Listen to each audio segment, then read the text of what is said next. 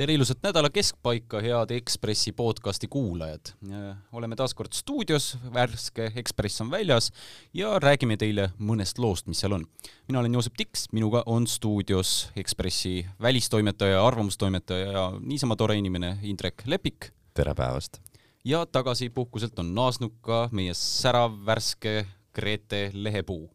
ma tänan, tere! selline poksimatši sissejuhatus siis. aga millest me täna räägime, võtame sellised äh, neli teemat ette, üks on äh, lobi ja kogu selline lobitöö, mis meil siin äh, riigivarjus toimub. siis on Mikk Marran, kes küll lobi ei tee, aga ka väga varjuline mees. siis räägime Jaan Tootsist, kes hüppas järsku areenile Keskerakonna juhi kindaid kandma. ja viimaks on üks Putinist, kes on Venemaale droone otsustanud vedada, et selline tavaline rekkajuht, aga teate, mõtleb niimoodi, nagu ta mõtleb. Et teemegi algusest siis äh, Äh, meie nädala persooniga ja ühtlasi ka looga, mis ilmus äh, Eesti Päevalehes,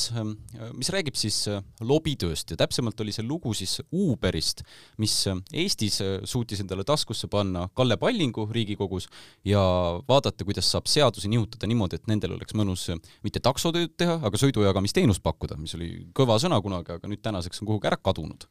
ja muidugi selle Uberi looga on see, et, et äh, Eestis võib-olla isegi mitte niivõrd suurelt, aga maailmas plahvatas see pomm ju ikkagi kõvasti, ehk siis äh, erinevad valitsused, kuhu nad olid juured ajanud, isegi Emmanuel Macron oli majandusministrina suur Uberi eestkõneleja ja nii edasi, et, et äh, nende lobitöö oli võimas. ja võib-olla alustuseks küsikski, et kuidas juhtus, et Kalle Palling, Riigikogu liige, mõtetes vaba ja tegemistes vaba rahvasaadik, järsku oli selline Uberi mees no sellele teemale saab mitme nurga alt läheneda. selle keskmes on võib-olla küsimus sellest, et äh, kui palju on äh, üks rahvasaadik ise võimeline otsustama selle üle, mida ta Riigikogus teeb ja kui palju on ta kellegi lükata ja tõmmata. et et äh, eks need äh, platvormi teenused, äh, ütleme siis selle Uberi, Uberi näol ja siin hiljem on ju, on ju noh, ütleme Boltid ja Woldik ja kõik kogu, kogu see takso ja kullerimajandus, et, et ega ta tegelikult ju sisenes turule äh,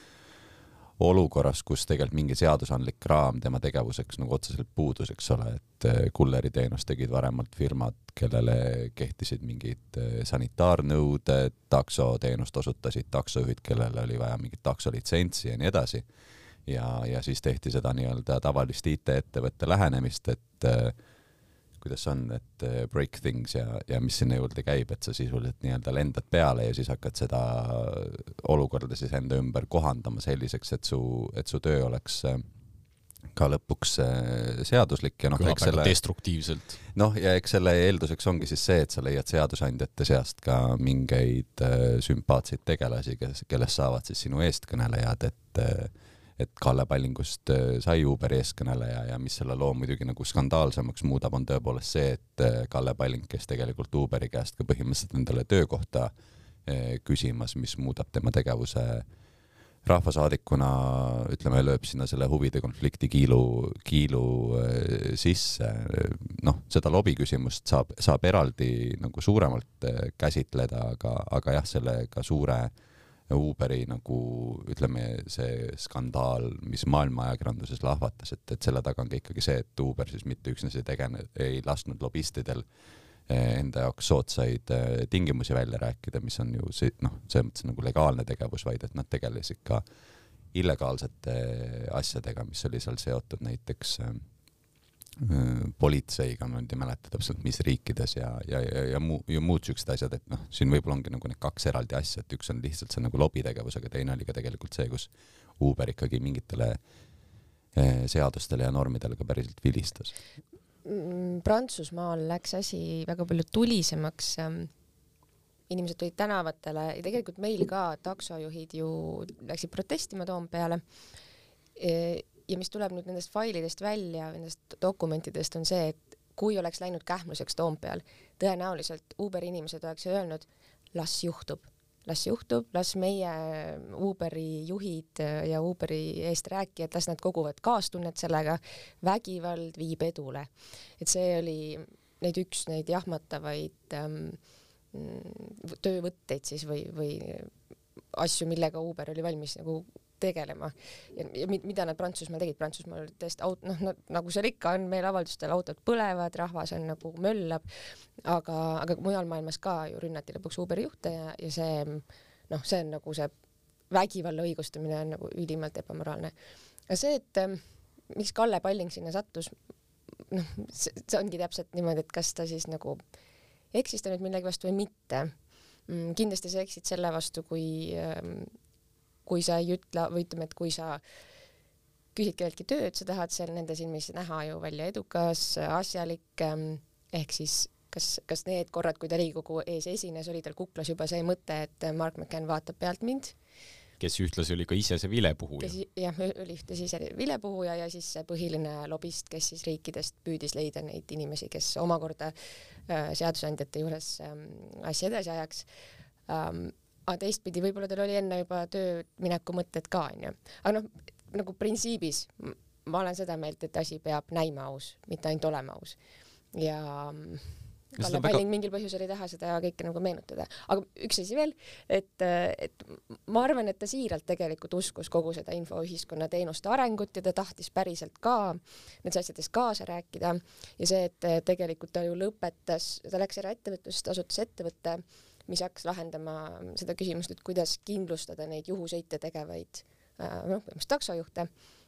pakkus seda teenust. et otsapidi ta ikkagi maanduski selles kohas aga see võibki sinu huvi olla. mina küll tahaks, et parlamendis ma valin inimest selle järgi, mida ta läheb ja esindab, mis on see, mille eest tema võitleb ja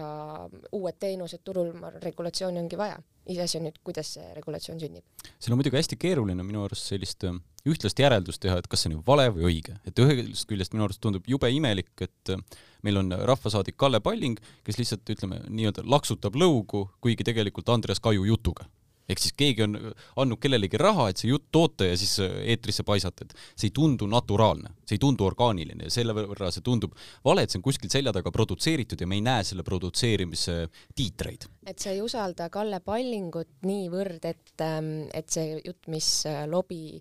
inimestelt temani jõuab, et ta sellest, sellest valiks mingid terad välja või? Vot see ongi see küsimus, et kui palju rahvasaadik ise oma peas on teinud sellist argumenteeritud analüüsi sellel mm -hmm. teemal, aga teine asi seal jällegi on see, et ma, ma olen nõus, et tõenäoliselt Kalle Palling uskus seda teemat, et noh, Riigikogus on ju teisigi, et noh, ütleme, et see Eesti Marlboro mees on siis meil Tarmo Kruusimäe, kellel on kunagi on ju tõenäoliselt toredasti sosistatud kõrva ja öeldud, et kuule, need e-sigarettide värgid, et tee neid, ja vend kasvõi tõmbab Riigikogu eetri on ju sellel istungil videokõnes on ju seal voodis suitsu, et, et ta on väga hea lobitöö tulemus. Või, või samamoodi ma arvan näiteks kui Jüri Ratast Rally Estoniaga käidi lobistamas onju, et, et jällegi tõenäoliselt Ratas uskus, et jah, ma olen suur tähtis mees ja ma öö, usun sellesse teemasse ja ma annangi neile selle raha ära onju, et, et hea kui isake jagab või Hiiumaa, mis on Ratase suvekodu, mis on ka võib-olla tõenäoliselt ebaproportsionaalselt palju raha saanud siis, kui ta peaminister oli. et kuidas see protsess käima peaks, ongi see küsimus, et tõenäoliselt mm -hmm. kogu aeg keegi käib ja koputab uksele, et noh, enne me siin rääkisime ka stuudios Helen Sildnast näiteks, et kas tema on lobi, lobist, et ta on ju tohutut raha ikkagi saanud kõikidele oma muusikaüritustele, samal ajal kui kirjanikud kuskil vaevlevad ja vinguvad, onju, et aa, miks meile ei anta. sest tema käib ja koputab ustele. no see on pisut erinev, et Sildna tegeleb põhimõtteliselt ju eraettevõtjana mis sest, et kultuurivaldkonnas, mis meil on kuidagi selline nagu ei siin ei sealpool on ju seda riigi äh, Äh, huvisid. no vahet pole, milles see riigi toetuse kasu ju väljendub, et kas olgu see siis äh, no, rahalises tulus, olgu see siis äh, mingis staažis või olgu see siis mingisuguses no au, aus või asjas või noh, mis iganes mõõtmatus koguses, et mingil moel sa saad ikkagi ju riigi toetust rohkem lobitöö tulemusena kui mõnel teisel juhul. no jah, aga ütleme poliitikuna sa alati konverteerid oma teod oma hilisemateks häälteks. Ja kui sa seda oled teinud ebaausal teel, kui sa oled seda teinud rahaga, mida sa ei näita välja, siis see on absoluutselt no go onju ma ei tea, näiteks noh, tõenäoliselt keegi aga Helen pruuk... Sildna, see, et ta lobistab endale kuskilt raha välja, teeb Tallinn Music Weeki või püüab Narvas midagi käima lükata, lasku käia, väga lahe, väga lahe, lihtsalt maksku ka arved ära pärast seda. siin ongi küsimus, milline lobi on okei okay ja milline mitte. või nojah, et siin on küsimus, eks ole, selles, et miks antakse talle raha, aga mitte kellelegi kolmandale, onju, et, et noh, ma arvan, et siin ongi nagu peamine küsimus, mis tekib ja mis meil oli ka Gretega mõnes mõttes eile see dilemma Andreas Kajust kirjutades on see, et et äh, inimestel seostub lobism millegi tumeda, millegi hämara, millegi noh, ütleme kuskil seaduse piirimail äh, äh, asetsevaga, et, et ma arvan, et vähemasti üks, üks mõte, mis selle kirjutamise käigus tekkis, on ka ikkagi see, et lõppkokkuvõttes inimestel tekib see ebaõiglustunne sellest, et nad tunnevad, et nende huvisid ei käi keegi samamoodi esindamas, et, et noh, siin saab öelda, et võib-olla on siis ametiühingud liiga nõrgad, et ametiühingute hääl ei kõla sama tugevasti kui ettevõtjate hääl või on meil parlament liiga nõrk jah, et, et, et, et lõppkokkuvõttes see taandub nagu sellele, et, et lihtsalt mingid huvid on paremini kaitstud ja noh, sellesama paralleeli saab tuua ju ütleme õigusmaailmast, et meil kõigil on võimalus ühtmoodi, eks ole, kohtuvõimu ees oma eh, süütust eh, kaitsta, aga fakt on see, et osa inimestel on raha palgata endale Eesti kõige paremad advokaadid ja teistel seda ei ole, et, et, et seal on ikkagi raha see määrav faktor, aga noh, lõppkokkuvõttes ega poliitilised otsused sünnivadki ju noh, ütleme nendest mingitest huvide tasakaaludest, mis, mis ühiskonnas eksisteerivad, et, et me ei kujuta ju ette ka, ka seda, et või ütleme, niisugune võib-olla kandev narratiiv ja võib-olla isegi kohati ajakirjanike seas kandev narratiiv on see, et kuskil on mingid ametnikud, nemad teavad täpselt, kuidas asjad on ja las spetsialistid teevad ära, eks ole, et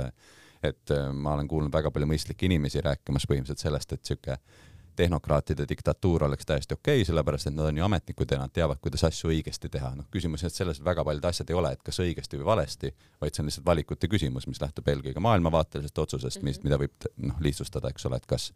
riik peaks rohkem sekkuma, riik peaks vähem sekkuma no,. sellepärast meil ongi valimised, sellepärast meil ongi erakonnad. ega sa võid ju ametnikuga tüütada, noh näiteks ma vaatan Rahandusministeeriumis on välja toodud kohtumised huvirühmade ja lobistidega, äh, kahekümne viies mai, reisiteenuse hanked, S-Travel on käinud kohtumas kantsler Merike Saksaga, on ju, no mis nad seal rääkisid, ma ei tea, aga ma tean, et see kohtumine on toimunud. kui ma nüüd vaatan, ma ei tea, kuu aega või aasta aega hiljem ähm, noh, mida ma seal vaadata saan, mingisuguseid kuluaruandeid või asju, et kas seal on S-Travel saanud ebaproportsionaalselt palju siis mingisugust äh, reisihangete asja, kui äh, Rahandusministeeriumi töötajad on tahtnud kuhugi reisida või mitte, ma ei tea, et kas nendest kohtumistest päriselt ka sünnib midagi,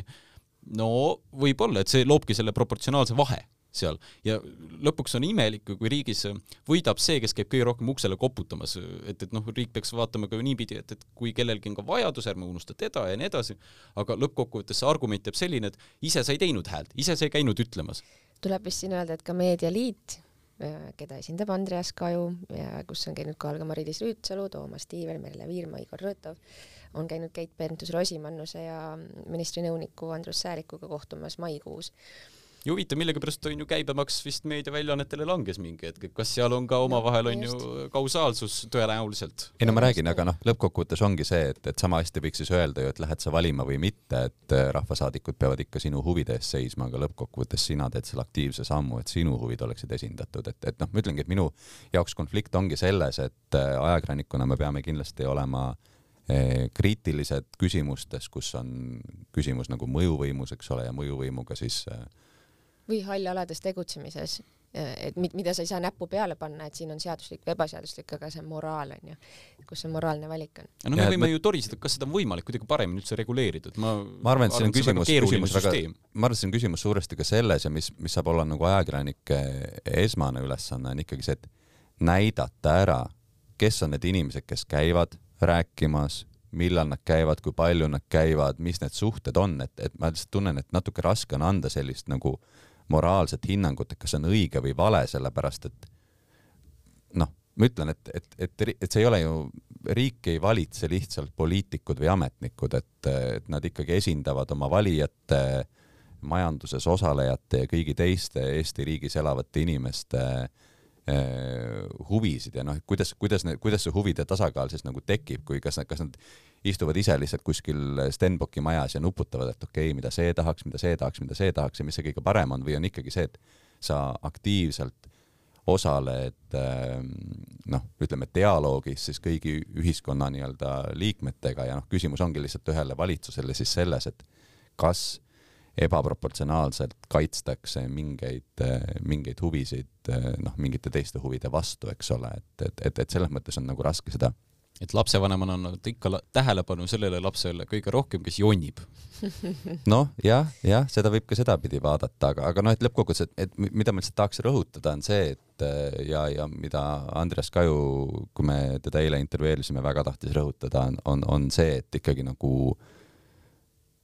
noh, et need asjad ei saa sündida kuskil mingis vaakumis, eks ole, et kõik, kõik osapooled käivad oma huvisid kaitsmas, see käib äh, asja juurde, eks ole, Andres Kaju on noh, kogu oma elatise teeninud sellest, et ta teab, äh, kellega rääkida, kuidas rääkida, kuidas nagu noh, võib öelda niite tõmmata, eks ole, aga teine on ikkagi see, et ta leiab selle sisenemispunkti tundes kohalikku poliitikat ja seadusandlust ja, ja, ja ma ei tea, majandust ja mida iganes, et et, et noh, lõppkokkuvõttes kõik need asjad sünnivad äh, meie mingi ühiskonnaliikmete huvide mingist koondumisest, mingist sünteesist seal, eks ole, ja, ja siis see asi saab nagu välja, et ma lihtsalt ei kujuta ette, kuidas see asi saab toimida nii, et et, et keegi ei tohi nagu kuskil jutul käia, ma ütlen samamoodi, et eks ole,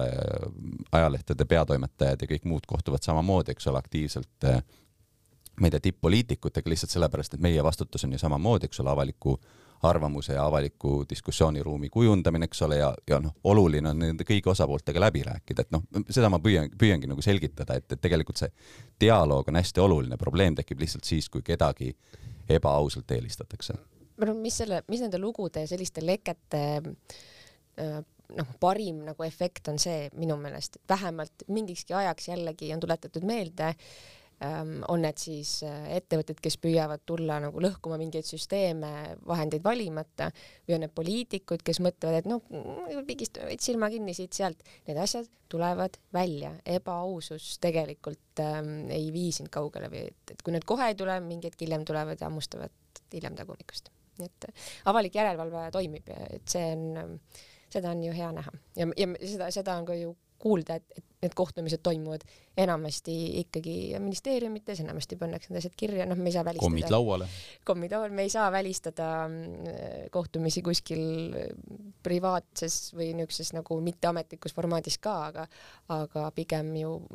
ametnikud, poliitikud ei, väga kardavad seda, et neid pannakse sellesse valgusesse või küsitakse küsimust, miks sa seal olid selle inimesega. teemavahetus äh, ma mõtlen, et kuigi me plaanisime siin rääkida enne võib-olla Mikk Marranist, siis teeks äkki ikkagi sisepoliitika lõpuni, räägiks enne Jaan Tootsist ja siis läks Venemaa ja Ukraina juurde. ehk siis äh, Keskerakonnast tuli äh, võimupretendent, tuli teade, et Jaan Toots tahab kandideerida äh, erakonna juhiks ja Grete, räägi oma lugu. ja kandideerib ka ja Grete, räägi oma lugu, kus sa olid siis, kui sa seda kuulsid? jaa, mina korjasin Pärnumaa metsades mustikaid. mustikaid muide on väikesed ja neid on veel vähe, aga ehk tuleb Äh, saan siis, üldiselt ma lülitan nagu mingis noh, enamiku neid infokanaleid välja telefonis, aga, aga mõned uudiste need äh, kiirteated ma olen alles jätnud ja loen siis sealt, Jaan Toots tahab kandideerida erakonna esimeheks ja ma hakkasin naerma, naersin seal sääskede keskel omaette ja mõtlesin tagasi mm,, mitu aastat see nüüd siis on, äkki oli see enne koroonat juba, kui ta läks sinna Tartusse. Ja, ja ma tegin temast äh, persooniloo äh, ja juba siis ütleme Tartu noh, selles mõttes Tartu piirkond vajas vahetust, et Aadu Must ei suutnud seal enam hoida üleval seda populaarsust, mis neil oli, koalitsioonide tegemine ei läinud enam nii kiiresti, seal sisekähmlused hakkasid tekkima, mäletate Monika Randa veel? et, et selles mõttes oli vaja muutust ja kõigist inimestest Eestis leiti selleks Jaan Toots ja mis on juhtunud tänaseks, Keskerakond on absoluutses põhjas Tartus. nii et see ajas mind naerma. kõige väiksem fraktsioon linnavolikogus. nagu see, see ei ole tõsiseltvõetav kandidaat ja kõik skandaalid, mis seal taga olid ja kellelegi ei meeldinud Jaan Toots ja mingisugused äh, ja. kähmlemised. ja teine, teine, ta, ta on, vot me jõuame tagasi selle eelmise loo juurde, et kõik peab nagu olema aus ja näima aus um, ma kajastasin väga põhjalikult äh, seda viiekümne tuhande euro annetuse mm, lugu, mäletatavasti. Jaana-Helen Juhaste. Juhaste ja. annetas raha, tuli välja, et see oli kõik sahker-mahker, nii edasi. ja Jaan Toots on noh, ujunud selles, võib-olla, võib-olla ma olen tema vastu liiga helde nendes kajastustes, et ta nagu, ta, ta on kursis asjadega, ta teadis, mis toimub, talle oli seda öeldud ta liiga palju ei teinud selleks, et erakonna juhatus oleks asjadega kursis. Äh, ta lootis ilmselt, et küll läheb mööda, äkki see on mingi naiste catch, sest talle seda natuke serveeriti niimoodi. et on nais, naisliikmete vahelised nagu ebakõlad ja nii edasi. et ta on ülimalt mugav inimene, kes äh, ma ei tea, mis maailmavaate eest ta seisab. vabandust, kui ma liiga teen. noh, ütlen, et erakonna väljast vaadates kui erakond nagu laseb ja noh, ta, ta peab laskma, onju, see on sidedemokraatia, aga kui erakonnas nagu ainukesed inimesed, kes tõusevad esile, on sellised, siis ähm, head muljet ei jää. kas ta on niisugune umbes nagu nostalgiline jõuõlg, et meenutab selliseid üheksakümnendate meetmeid, mida, kuidas siis poliitikas käituti? jah, seda, seda on arutatud, onju, et, et ta võib-olla tõesti toob seda Savisaare hõngu tagasi, mis omakorda võib posi-, nagu tugevdada Jüri Ratase positsioone ja esiteks võtab Ratas nagu jalad kõhu alt välja, kuigi ma arvan, ta ei pea Tootsi tõsiseks nagu vastaskandidaadiks, aga ikkagi, et tuleb meelde endiselt ähm, uuesti see, kus Keskerakond ei taha olla. ma arvan, et ei taha olla ka siin, kus nad praegu on, nii et kuhu edasi. jah, see savisaarlik stiil on selles mõttes väga nähtav, et Toots on siin viimastel nädalatel ka öelnud, et Tartusse tuleks teha ikkagi noh, Tartu raadio ja Tartu televisioon, nii nagu seda oli Tallinnas, Tallinna Televisioon, et ikkagi Keskerakonna sõnum jõuaks kaugemale, et, et see on väga huvitav, et ta rääkis munitsipaaltelevisioonist ja siis rääkis, kuidas Keskerakonna sõnumid peavad seal levima, et noh, kuidagi äh, ma ei tea, on see lapsesuu või, või mis, mis temas nagu tärkas seal, et, et, et selles mõttes jah, tema on nagu selge, et ja eks nad on Savisaarega ju ka minevikus on nende teed üsna tihedalt ristunud, et, et, et selles mõttes see koolkond on nagu, on ta sees. see on, korraks veel meenus ka, et, et just seesama annetusskandaali ajal ja siis, kui um,, kui seal Jaan Tootsi ümber hakkasid tekkima sellised huvitavad tegelinskid nagu Katariina Porro, kes ka nüüd siis äh, mõisteti põhimõtteliselt noh, ta vist ise ei tunnistanud, aga, aga ta on selles, oli selles annetusskeemis suur osaline, lubas maad-ilmad kokku midagi tegelikult teinud uh,. Nad uh, lähenesid Savisaarele päris jõudsalt ja kutsusid teda külla ja pidid talle külla minema ja et see on mingi väga huvitav, kummaline uh, mingi nostalgia või mingi tõmme või, või sümpaatia. ma ei tea, on see siis tõesti nende mm, Tartu pensionäridele mm, imponeerimiseks või, või milleks, aga see noh, see ei näita nagu poliittarkust absoluutselt. kuluaarid sahistavad, et äh, Tootsi selja taga on ka Tallinna keskerakondlased ja, ja noh, võimalik ka, et, et Toots ongi selline äh, erakonna siseopositsiooni kompamise vahend enne siin rääkisime ka, rääkisin ka kolleegidega, arutasin, et, et äh, see on nüüd puhas spekulatsioon muidugi, aga ähm, selge on see, et äh, Jüri Ratasega äh, teatavas ringkondades ei olda rahul Keskerakonnas. aga kujutage nüüd ette, kui see sisevalimine tuleks ja peaks tulema tõsiseltvõetav vastaskandidaat Jüri Ratasele. keskerakondlane ei tea, kui palju on sellel vastaskandidaadil võimalikku toetust, esiteks äh, seal on ka taga selline ähm, noh, ütleme teatavalt mõttes, et kui juht ei ole otseselt millegagi väga halvaga hakkama saanud, käib kah, siis tõenäoliselt ikkagi hääl läheb Jüri Ratase poolt. nii et vaja on kombata ja vaadata, et kui palju äh, oleks üldse võimalik opositsioonil, siseopositsioonil hääli koguda erakonnas et kui me meenutame näiteks Savisaare aega, kui kaua võttis aega, et Jüri Ratas ja Kadri Simsoni tõsiseltvõetavus hakkaks kerkima, et selline opositsioon seal tekiks, et sellised inimesed nagu Toomas Vitsut nende selja taha isegi läheks, on ju, et seal oleks tõsiseltvõetav see, siis see võttis ju ikkagi korduvaid ja korduvaid kongresse, et mhm. lõpuks see saaks tehtud ja lõpuks Savisaar kukuks, on ju. ja ma arvan, et Toots on täpselt samasugune vahend, et vaadata, sest sa ei saa erakonnas sees gallupit teha ilma, et see jääks märkamatuks. tõenäoliselt seal taga, ma arvan, ongi mingid kõlvartid ja sellised tegelased, kes on ähm, äh, suure löögijõuga erakonnas sees, aga nad ei võidaks veel Jüri Ratast. seega nad tahavad näha, kes oleks Jüri Ratase vastu. kui palju neid hääli tuleks. ja kui Toots saab kas või ütleme näiteks nelikümmend protsenti häältest või kolmkümmend protsenti häältest, no tegelikult erakonnas ja väljaspool erakonda nähtavana kui klounina, siis see oleks Jüri Ratasele vägagi alandav kui, kui ta ei saa nagu ülekaalukat võitu sellise tegelase vastu, onju, mis mõttes mina siin suur äh, Jupiter lähen nüüd sellise härjaga või, või sääsega onju konkureerima. ja samas annab see võimaluse ju Kõlvarti leeril või kellele iganes näha, et, et äh, isegi Tootsi taha, kes need koonduvad ja hakata sealt üles ehitama järgmist äh, võimule pürgimist mm. sa tahad öelda, et Jaan Toots on kasulik idioot? Võib-olla ta on mitte niivõrd idioot, aga ta ka läheb sellega kaasa, et mis võimalus tal muidu oleks erakonnas esile pürgida, kui kas või mitte tööriistana. ja tema edevusele ja, ja sellele mm, tähelepanu, sellele, et ta naudib tähelepanu, seda, sellele ei tohiks vähe tähtsust omistada, ma arvan no Keskerakonna kongress toimub augusti keskpaigas, et, et fakt on see, et see, kes sealt esimehena väljub, peab viima Keskerakonna Riigikogu valimistel tugeva tulemuseni ja vaadates, mis toimub Keskerakonna reitinguga, mis toimub Jüri Ratase enda reitinguga potentsiaalse peaministrikandidaadina ja nii edasi, et siis selles mõttes sealt mingit seljavõitu just oodata ei ole, et eks nad peavad EKRE-st rohkem lärmama opositsioonis no eks nad peavad jah, aga EKRE on näidanud, et nad oskavad lärmata märksa paremini, et ega Keskerakonnal on Jaanus Karilaid, kes, kes saab selle lärmamisega hakkama, aga sellest jääb eh, Helmete vastu natukene väheks. mingisugust sellist eh, Keskerakonna renessanssi oleks ju väga huvitav vaadata, nii et noh, ehm, või ja, ja nagu ajakirjanikele kindlasti ja poliitvaatajatele kindlasti alati meeldib, kui siin siseopositsiooni heitlused tulevad, et meenutame Isamaad ja parempoolseid ka, et see on, see on kõik väga tervitatav räägime Mikk Marranist, vahetame teemat. Mikk Marran ütleb meile äh, intervjuus, et äh, Eesti vastu sõda ei tule Venemaa poolt, praegu vähemalt. vägesid pole Venemaal, äh, Venemaa kardab NATO-t, Venemaa kardab USA-t, et sellist agressiooni nii või naa ei tule. rahustab see teid? no ei ole minu jaoks uudis tegelikult, aga mul on jah, selles mõttes on see õige seda võib-olla korrata. et me teame, et inimestel üldiselt on niisugune sõjateemade väsimus, eks endal ka ja see ei ole lihtne teema, mida üleüldse seedida ja jälgida. et selles mõttes võib-olla on hea korraks nagu üle korrata seda, et, et me, me ei pea muretsema, aga tõenäoliselt me peame ikkagi olema, on ju, valvel ja, ja tegutsema. nojah, samas on jällegi vana tõdemus, eks ole, et kui sa tahad rahu, siis valmistu sõjaks, et lõppkokkuvõttes selle rahu tagabki noh,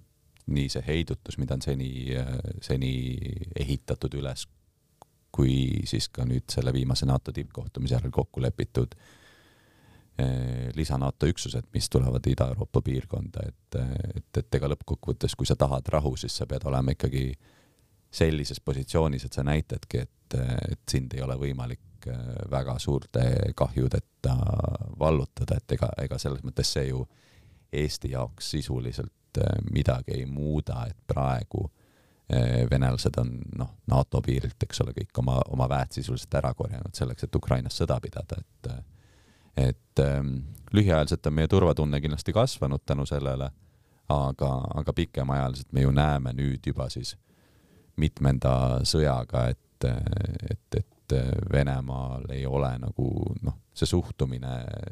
oma ajaloosse, oma mingisse geopoliitilisse rolli, et, et see ei ole tegelikult ju viimase saja aasta jooksul suuresti muutunud muidugi, mis Marrani intervjuust välja tuleb, noh, see nüüd mitte otseselt tema sõna, et minu tõlgendus on see, et, et ega Eesti positsioon ongi praegu äh, võimalikult palju läbi Ukraina Venemaa kurnata, noh, nii nagu lääne positsioongi. ehk siis sõda käib nii palju edasi ja Marran kiidab ka Ukraina kindraleid ja väejuhte, kes äh, kuigi on taganenud, siis äh,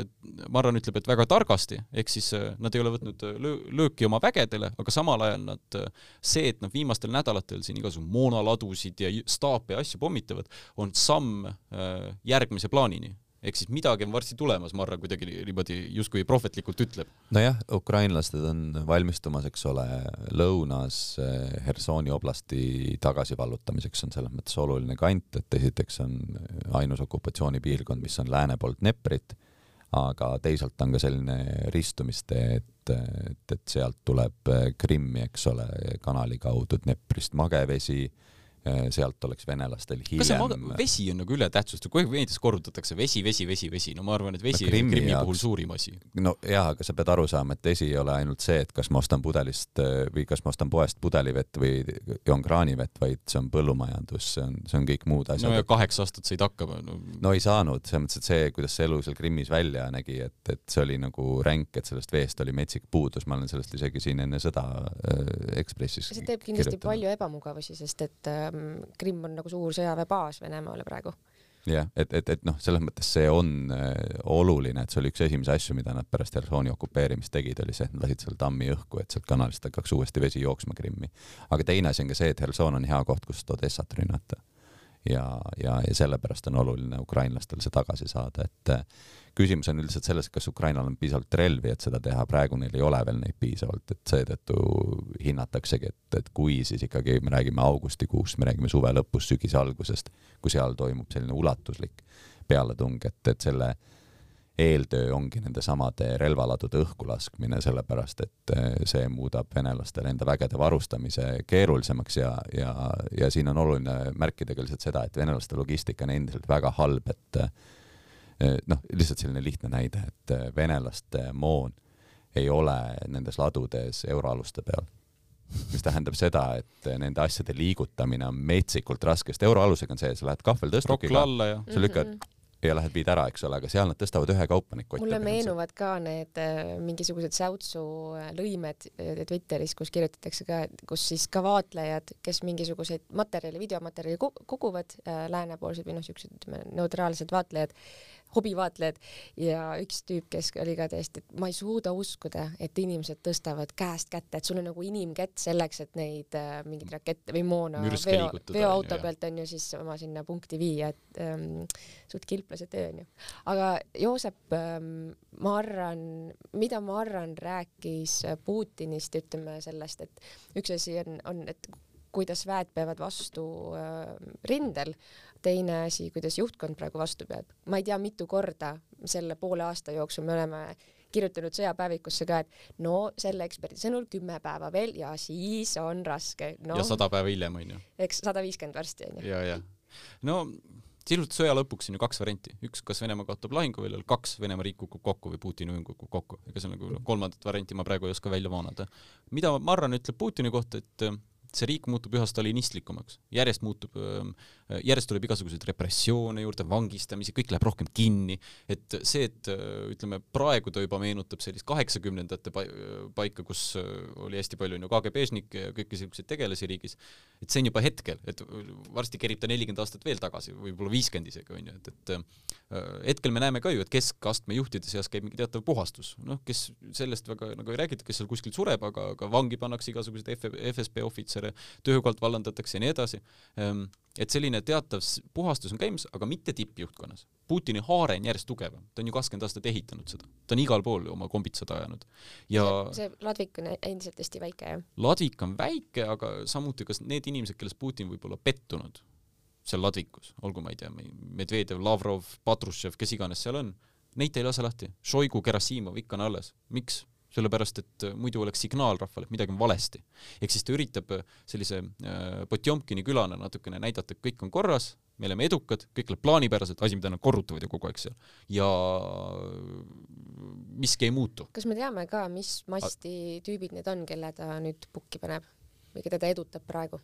Need on mingid kindralid, aga noh, ütleme seal lähiringkonnas ju ei ole mingisugust muudatust, et lahinguväljal, aga nendest ka Vene meedia väga palju ei räägi, kes seal lahinguväljal tegutsevad. et noh, tõenäoliselt mida Marran ütleb, on see, et, et kui sõda peaks läbi saama, siis läheb äh, armee juhtide seas ka väikseks selliseks no ütleme viisakalt vangerduseks, onju, et, et kuhugi need inimesed tõenäoliselt kaovad või lähevad pensionile või mis iganes nendega juhtub. Äh, et Putin kinnistab võimu ja sõda ju tegelikult laseb tal praegu palju rohkem seda teha, sõjaaeg on, kõik on ju kriitiline ja nii edasi. aga samal ajal Välisluureametis töö käib selle nimel, et äh, nad on kogu aeg kontaktis vastasega. kas Eesti tähendab... aitab kukutada Putini režiimi? seda ma ei usu, aga, aga seal on ju see, et on vägagi palju inimesi tegelikult ka režiimi sees, kellel on see vastukarva, kogu see sõda ja Välisluureameti töö ongi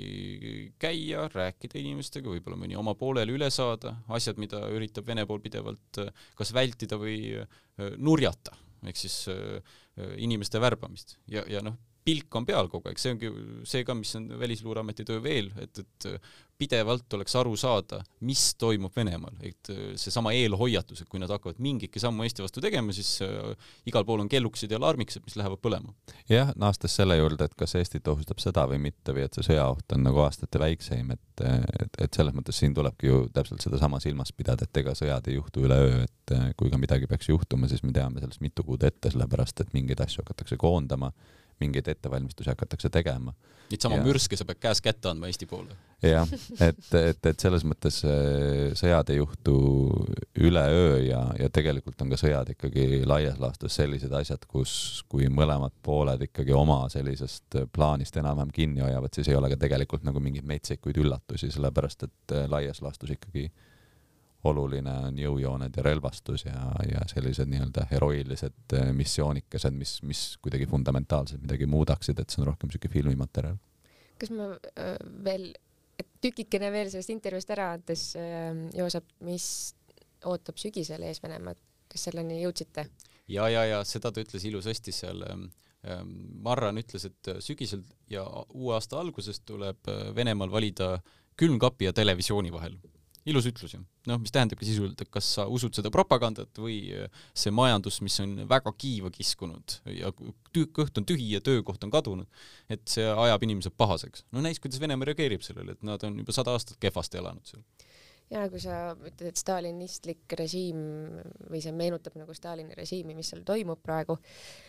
no see vindumine võib seal võtta aastakümneid, enne kui päriselt midagi. No me oleme, me oleme ju näinud, mis nende suurte protestidega juhtub, onju, seal Kaug-Idas oli ju mingi aasta, kuberner pandi kinni ja siis tulid sajad tuhanded tänavale. tead no,, mingi aasta, see oligi vist eelmine aasta. Võib, võib-olla oligi eelmine elu on lihtsalt äh, sellise tempoga liikunud, et, äh, et, et need tõmbuvad, tunduvad kõik äh, iidsena juba, aga, aga jah, et noh, see Venemaa stagneerumine on praeguses olukorras ikkagi vältimatu, et küsimus ongi täpselt see, et millal see stagneerumine jõuab sellesse punkti, kus järsult toimub kollaps, et noh, see kollaps ei toimu ka nagu kuidagi kuu, kuu haaval või midagi, vaid kuskil tuleb see murdepunkt ja siis ta tuleb nagu hästi järsult. et noh, samamoodi nagu Nõukogude Liit ikkagi ütleme nii, mõne inimese jaoks ikkagi peaaegu et päevapealt lagunes. võib-olla seal peab olema nii, nagu Nõukogude inimesel oli Lääne televisioon ja raadio, mis kuidagi ikkagi pakkus alternatiivi, kuule kurat, seal on ju uks, mis võiks olla veel paremgi, et miks me siin oleme. samamoodi võib-olla praegu venelasel on ka vaja seda, et nad on nii kinni, äh, et nad mõtlevadki, et kui läheb kehvemaks, siis meil pole alternatiivi. aga et seal oleks kogu aeg see nagu porgandike pea kohal, mis oleks, et kuule, aga kui see Putin läheb, me avame majanduse ja hakkame edasi normaalselt elama. seda porgandit ei ole ikka kuskilt paista praegu jah, sest nad sõdivad. Võtame viimase asja, paar lauset ütleme. lehes üks putinist, rekkajuht, kellel on Eesti ja Vene kodakondsus, sõitis kahe piiri vahet ja tuli mõttesse, kogu aeg kirjutas seal oma sotsiaalmeedias ka, et hu hurraa, Venemaa sõdib äh, seal äh, Ukrainas ja nad väärivadki seda ja arvas, et kõik ukrainlased on fašistid ja mida, mida iganes, selline tüüpiline ennast sotsiaalmeedias üles kütnud zombi. Äh, ja siis mõtles, et teeks head Venemaale, viiks Pihkva diviisile, viiks paar drooni, kogus natuke raha inimeste käest, ostis mingi kolm suvalist Hiina drooni ja hakkas sinna viima ja siis peeti piiril kinni oma karbi, karbikestega, onju. ma ei tea, minu küsimus on see, et eh, noh, ma ei tea, kas heidab varju nüüd inimestele, kellel näiteks on Eesti ja Vene kodakondsus, kes liiguvad Eesti ja Venemaa vahet, kelle sotsiaalmeedia kubiseb nendest, mida nendega teha üldse? ei heida ta varju küll. noh, üle piiri kuulsin, et, et just sealt Pihkva poolt ja sealt käib äh, päris ähm, päris äh, sage selline kaubaralli, et, et venelased tulevad äh, Tartusse süüa ostma või poodi, poodlema. et noh, me ei, me ei saa nagu peaks piiri kinni panema äkki? ma ei, ma ei tea, las, ei, võib-olla ikka ei ma ei tea. nojah, siin ongi natuke küsimus, eks ole, selles, et kas sa, kas sa annad neile inimestele selle mingi äh, selles mõttes nagu tagaukse ja selle porgandi jah, et, et, et, et tekib vähemasti mingi aru, aga noh, vaata selle või, või siis on see, et see tüüp ongi zombistunud rekkajuht, kelle jaoks Putin on nii või naa hea, sõda on nii või naa õigustatud ja siis ta saab veel meie käest selle suure ähm, luksuse ka, et ta võib siin Eesti vahet tiirutada. no vot, see ongi see paradoks, eks ole, et kõige suuremad Putini ja Erdogani ja Orbani fännid elavad ju väljaspool oma koduriike, niisamuti nagu EKRE toetus on Soome eestlaste seas, eks ole, metsikult tugev, et, et seda niisugust nagu rahvuspopulismi miskipärast nagu eriti fännatakse siis, kui selles samas riigis ei elata, et, et see ongi nagu see suur paradoks, et kuidagi tekib, tekib see tunne, et, et noh võiks ju elada nii hästi nagu siin Saksamaal, aga oleks vähemalt Putin võimul, et noh, siis oleks ikka nagu täismäng. ma arvan, et no esiteks see üksikjuhtum, äh, ta ei, ta ei pruugi, ta selles mõttes ei ole üksikjuhtum, et ta tõesti, talle ju oli väga palju kaasaelajaid, tal olid inimesed, kes andsid raha ja soovisid talle tema ristiretkel õnn, õnn kaasa. aga ma arvan, Eesti to, nagu toimetab targalt, et siuksed tüübid äh, võetakse kinni, aga samas noh mm, ma ikkagi mõtlen, võib-olla ei pea nagu päris lõpuni sellist nagu täiesti noh, ma ei tea, ehitame betoonseina ette, seda nagu sinna panema, äkki ma olen juba ka nagu pehmestunud nende sanktsioonide osas onju, aga. et võib-olla on oht muutuda politseiriigiks eee...? kuidagi ise nagu tõesti võib-olla üle võlli panna nende inimestega? ei, mind veenis, mind veenis üks, ka üks Vene kodanikust inimene, kes Eestis aitab ähm, Venemaalt siis läbi käivad neid Ukraina põgenikke siia tuua või ka aitab ka neid inimesi, kes Venemaal on nagu tõesti, kelle elu on ohus, on nad äh, mis iganes vähemusgruppidesse nad kuuluvad. et tegelikult mingid sellised humanitaarkaalutlused, ta ütles, et tema point oli õige, et et me takistame praegu sanktsioonidega ikkagi aidata, ma saan aru, et mul kisub nagu sellesse diskursusesse, mida, mida Saksamaa ja mida, mida me ei, ei salli Saksamaa ja Prantsusmaa puhul, aga oma tõde siin ju tegelikult on et ähm, täpselt seesama, see, kuidas see porgand siis luua, onju, et kas see porgand äh, tekib läbi luureametite kuidagi ja, või, või siin peab mingi kiht olema ka kuskil kodanikualgatuses. see on muidugi see lootus, mida Lääne-Euroopa ja tegelikult kõik enam-vähem Euroopas mõtlesid, et kui me teeme head majanduslikku koostööd Venemaaga, siis võib-olla Putin on mõlakas, aga inimesed riigis saavad asjast aru. jah, ja see ei töötanud, onju et noh, inimeslikus, inimlikust perspektiivist ma saan ka aru, et miks ma Nataliat sealt on ju Ivangorodist äh, pean nagu kiusama, kui ta, ta, ta on täiesti läänemeelne, kõik on ilus ja nii edasi, võib-olla nagu anname rohkem raha ja tekib äh, rohkem Nataljasid Venemaale. aga Putin jääb ikka samaks no ja, ja tegelikult me ikkagi oleme ju sellega või noh, meie, kui ma tooks siia sümptomaatiliseks, eks ole, selle Saksa ja Vene majandussuhted, siis tegelikult on ju sellega ka Putini režiimi legitimeeritud, sest et tänu sellele on saanud Putin tõsta hüvesid, mida ta oma rahvale annab, sellepärast et riigikassasse on rohkem raha tulnud. ostab endale võimu ja mõju. vaata, lõpetuseks tahan siin ühte asja öelda muidugi, ähm, et üks asi on see, et kui palju me noh, näeme, et me peaksime venelastel kraane kinni keerama. aga teine küll, mõned nädalad tagasi, võib-olla oli juba kuu aega tagasi, oli Tallinna linnavalitsuses mingi pikk ööistung ja seal jõudsin seda kuulama ja mul läks küll veits kõhe, sest seal olid saadikud, kes noh, võib-olla ka õigustatult rääkisid, et miks linnavalitsus hoiab palgal selliseid ja selliseid ja selliseid inimesi, kes on niimoodi ja niimoodi, niimoodi venemeelsed. aga see jutt hakkas kiskuma väga umbes sellisesse, et tead, võtame need tõrvikud ja paneme veel noh, kuhugi on ju rippuma ka, et, et ma ei tea, kust leida see mm, tasakaal, jah. tasakaal jah, mhm. et, et inimesed ei muutuks nagu päris selliseks äh, gestaapoks või natsiparteiks ka, mis vaatab igat venelast ja isegi kui ta on nagu venemeelne, otsustaks, et vot nüüd on aeg ta on ju oksa tõmmata. et nagu minu meelest äh, ametnike rõhk peaks olema ikkagi seal, et äh, lõpeks ära meil igasugune see kaubavedu, kõik jälle noh me oleme kehtestanud on ju sanktsioonid, miks meil sadamad ei seisa ja miks Pihkvas autod voorivad? miks on ju asjad edasi toimuvad, et ärme nagu otsi õigustusi nendele hallaladele, kus me tegelikult seda kaubandust ja just seda nagu Putini pihta sihitud äh, sanktsiooni kuidagi mm -hmm. hoiame nõrgemana onju või lõdvana. tege-, tegeleks ikka nende asjadega sest Kaja Kallasel on ka varsti käia nagu väga raske käia veenmas oma seda karmi käe poliitikat on ju sakslaste ees näiteks. jah, kui me ise samal ajal möllame edasi, pakume lahes, pakume lahes tankerid passivad Vene naftaga, aga ja. no Roheneeme saare lipp on peal, et midagi ei saa teha onju, noh mm. tobe tundub aga olgu, kuulge, aitäh sõbrad, et äh, tulite, mõnusat suve jätku teile, äh, head suve jätku ka kuulajatele, loodame, et natukene on vihma, aga natukene ka päikest, kõik on mõnusad, kuumaks ei lähe, aga külmaks ka mitte. kõike head. Kuulmiseni